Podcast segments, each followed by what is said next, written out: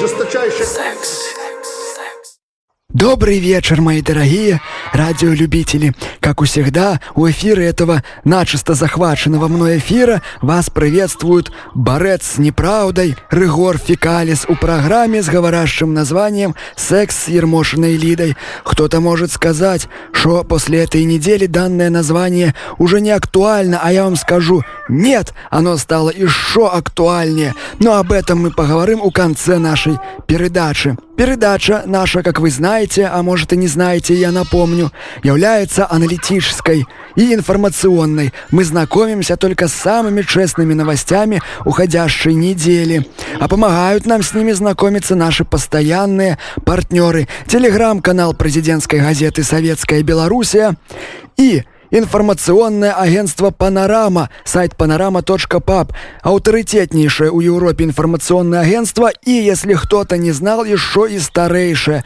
Да, на минувшей неделе информационное агентство отметило свое 199-летие, почти юбилей. Но об этом мы тоже поговорим далее у программе. Что же произошло на этой неделе? Эксперты заявили, что государство прилагает все усилия для повышения показателей и это дает определенный результат. Сотни тысяч белорусов вышли на стихийный митинг против фашистующей конторы А1. Они требуют привлечь к жестокой ответственности руководства этой компании и их пособников-абонентов. Жители Шклова потребовали снести вышку сотовой связи А1, которая уже несколько лет негативно воздействует своими БЧБ-лучами на их организмы. Ученые Президентской академии наук выяснили, что у девушек, которые злоупотребляют беспорядочными мобильными связями от сомнительных операторов, например, А1, на 80% повышается риск рождения семипалого ребенка. Беспилотный энергонасыщенный трактор МТЗ-80.1 «Ген» из СПК «Прикорытная» похитил культиватор и сбежал у Польшу. Получаю радость от решения сложных задач. Витебчанин завоевал серебро на Международной Олимпиаде по геометрической невозможности фальсификации 80% голосов. Николай Лукашенко пройдет срочную службу у звания генерал-лейтенанта. МТЗ планирует поставить у Пакистан от нуля до четырех с половиной тысяч тракторов у 2022 году. У Белоруссии законодательно запретят выпускать президентский шоколад с содержанием какао ниже 85%. Лукашенко наградил Лилию Ананич орденом Отечественной войны первой степени. Валерий Цыпкало предложил передать ему аванс Беларускалии и тем самым решить политический кризис у Литве, а аграрии Бешенковичинщины планируют завершить уборку кукурузы до 1 января. Ну а о многом другом подробнее далее у программе. Сказочный Я батя. Я батя. Ты, я, мы батя. Я, мы батя. Я батя. Я батя. Ты, я, мы батя. Я, мы батя. Начальник главного управления идеологической работы и по делам молодежи Мингорисполкома Ольга Чемоданова заявила, что один идеолог заражает двух-трех человек, те еще двух-трех, те трое еще трех. И так по цепочке мы должны передать патриотизм большинству граждан Беларуси, заразить усю нацию чистым патриотизмом. Ну, стоит полагать, что сама Ольга Чемоданова может дать хороший пример, как это все сделать. Массандру брать? Перейдем к цитатам великих людей, страны победившей стабильности, а их на самом деле на этой неделе довольно много было. Вот, например, ведический космофилософ Алексей Дермонтов высказался насчет своего пребывания и ощущения от этого пребывания у Крыму. Находясь у Крыму, я ощутил себя космическим кочевником, подключенным к русской вселенной. Здесь сразу понимаешь, не зря немцы хотели переименовать Крымский полуостров у Готенланд, что означает «пуп Евразии». Каждая тропинка Крыма, каждый родник, каждый холмик пропитаны русским семенем. Савицкий, Чхеидзе, Гумилев – все они прекрасные цветы русского мира, а моя роль – быть пчелой, которая соберет семя с их чудных бутонов и разнесет его по всей Евразии. В этом мой этногенез, мой космизм, моя борьба. Ну, что так вот расскажет? Также у Крыму сейчас находится и наш крымский попаданец Александр Шпаковский. А он прямо как Олег Газманов по жизни загулял. Про это он и рассказал изданию «Советская Белоруссия».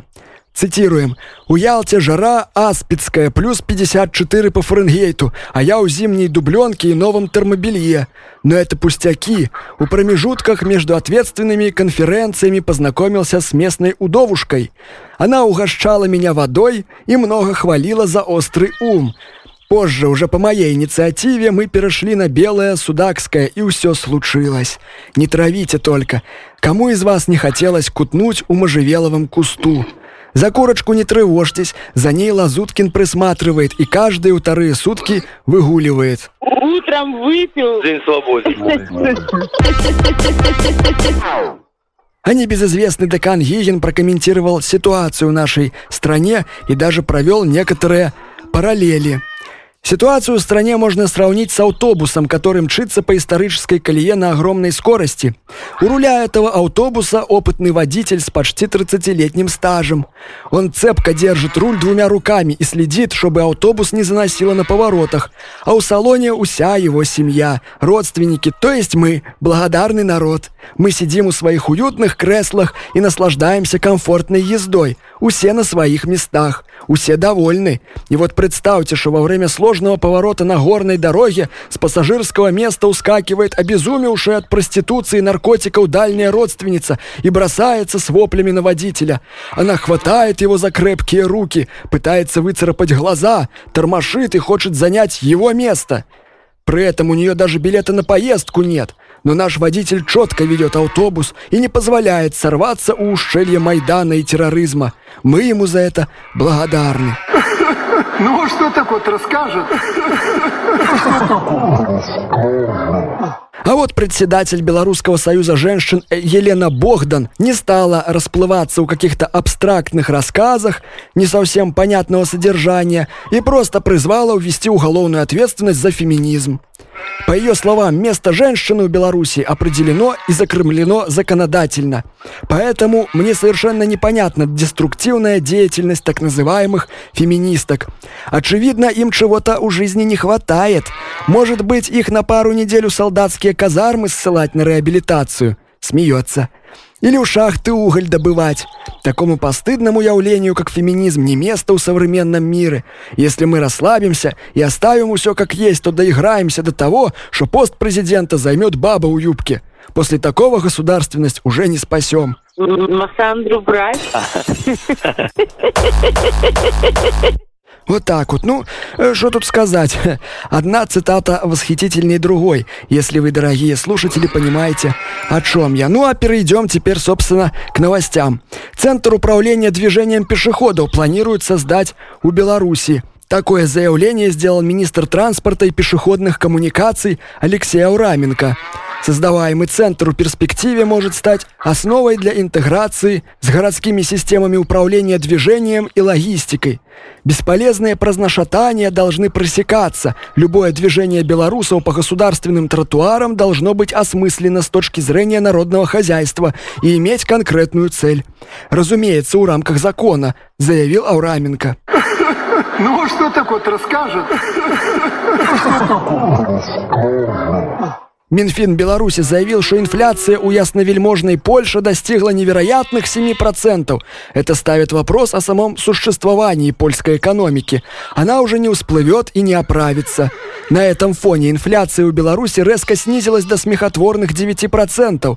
Однако на 2022 год экономические власти ставят перед собой более амбициозную задачу – сдержать ее у железных рамках 19%. Синергетическая работа у рамках антиинфляционной программы звучит очень научно. Утром выпил. День свободы. Ну и заканчиваем с новостями Беларуси и переходим сразу же к поздравлениям наших коллег.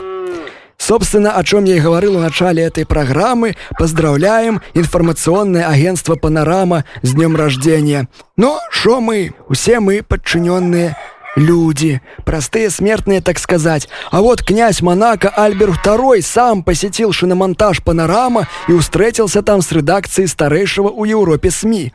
Поздравив сотрудников со 199-летием журналистской деятельности, он возвел сразу 11 журналистов, редакторов и технических сотрудников у дворанское достоинство. Первым титул из рук князя получил завхоз Бражик Сголчич – по совместительству подрабатывающий продажей печатных изданий «Панорамы» на главной площади Монте-Карло.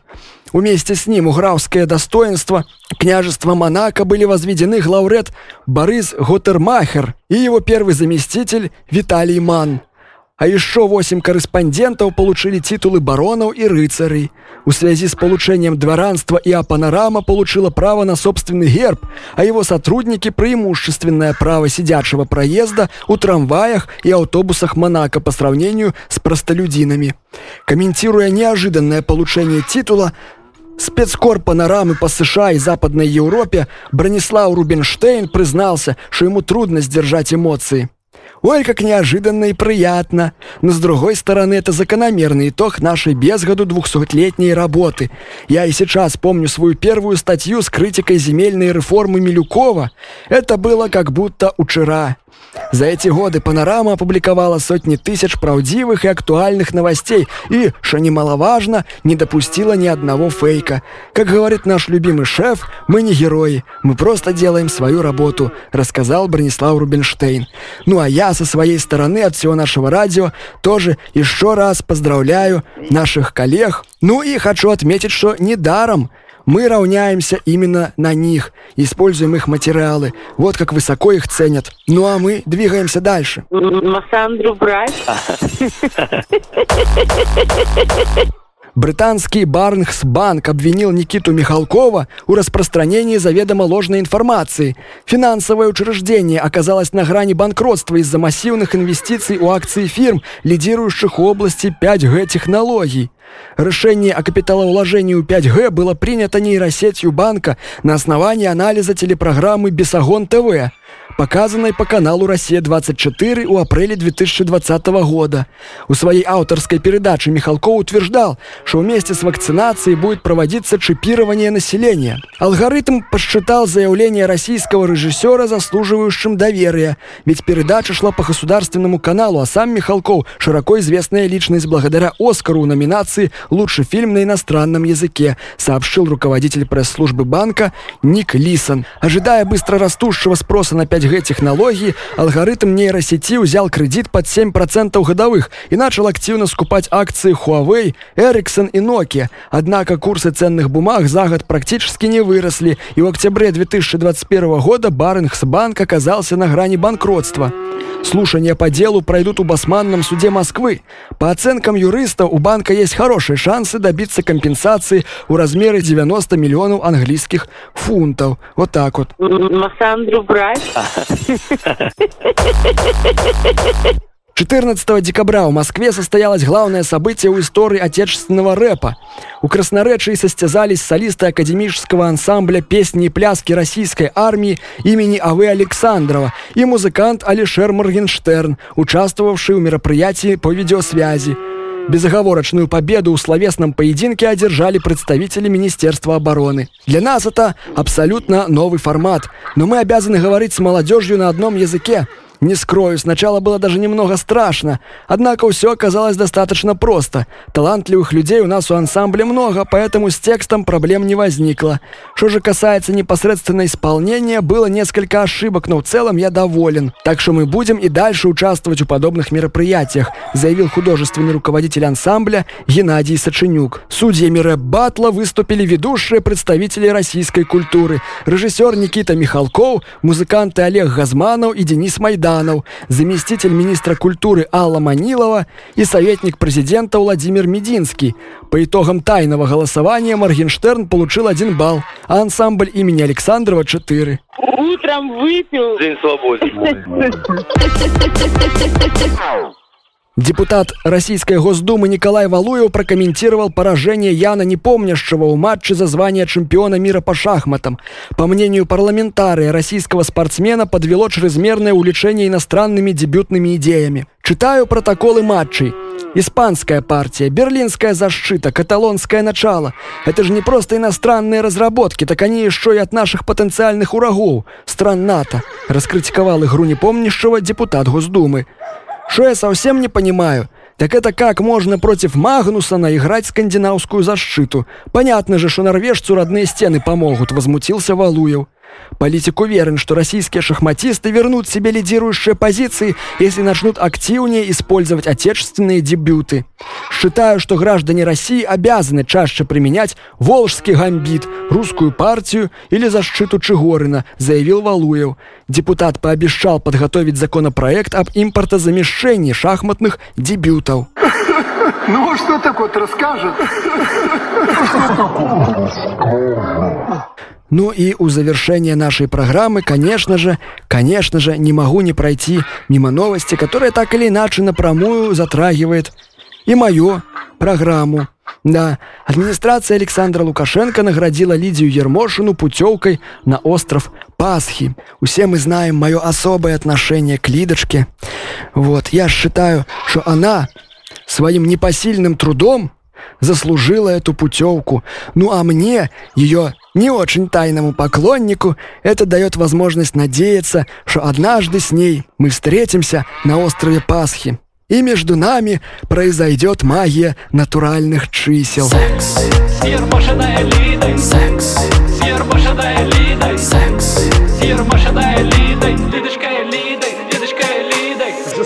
Секс.